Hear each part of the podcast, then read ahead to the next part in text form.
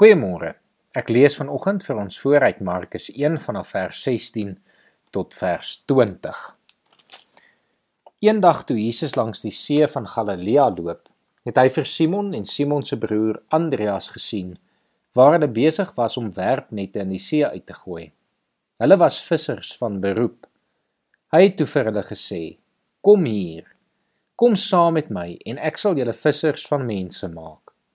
Onmiddellik het hulle die nette gelos en hom gevolg. Toe hy 'n entjie verder gaan, het hy vir Jakobus seun van Zebedeus en sy broer Johannes gesien waar hulle in die skei besig was om hulle nette reg te maak. En dadelik het hy hulle geroep. Hulle het hulle pa Zebedeus net so saam met die loonarbeiders in die skei gelaat en saam met Jesus gegaan.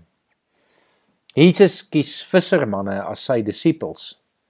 Mense wat dit eintlik nie in die lewe gemaak het nie. Mense wat nie goed genoeg was om geskoold te wees en die evangelie volgens die skrifgeleerdes en ander rabbies uit te dra nie. Later lees ons dat Jesus ook tollenaars as sy disippels kies en dat selfs vrouens welkom was om hom te volg en ook na hom te luister.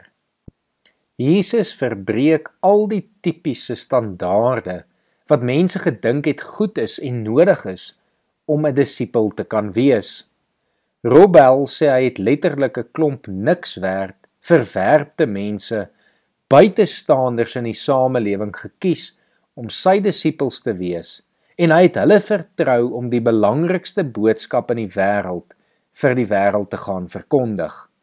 Volgens enige menslike standaard moes hulle eintlik misluk het maar hulle het nie. Hulle het 'n reuse sukses gemaak. Hulle kry dit reg want God het geweet wie hy kies. God kies ook vir jou om hierdie jaar sy disippels te wees. Om hierdie jaar sy koninkryk hier op aarde te bou en die goeie nuus van sy evangelie hier te verkondig. Moet nie toelaat dat enige iets of iemand vir jou sê jy kan dit nie doen nie. Met God aan jou kant is alles moontlik. God wil jou gebruik. Daarom wil ek jou uitnooi en vir jou vra dat jy vandag spesiaal tyd sal maak om stil te word en by die Here te gaan sit en vir hom te vra wat hy hierdie jaar van jou verwag. Wat hy spesifiek wil hê jy hierdie jaar moet doen. Met wie jy hierdie jaar moet gaan praat en met wie jy hierdie jaar moet gaan werk.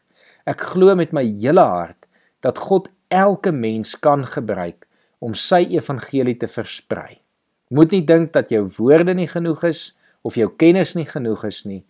God kan en wil jou gebruik net soos wat hy die disippels gebruik het. Kom ons bid saam. Here baie dankie dat u alle mense kies en alle mense gebruik om uiteindelik te doen wat u wil, Here. Here, u is in staat tot enige iets selfs met ons menslike tekortkominge en gebrokenheid en foute. En Here, daarvoor loof ons en prys ons U. Maar Here, ek wil ook kom bid vandag dat U ons sal help, dat U ons sal lei deur die Gees om te weet waar en hoe elkeen van ons ons kant hierdie jaar moet bring. Ons vra dit in Jesus se naam. Amen.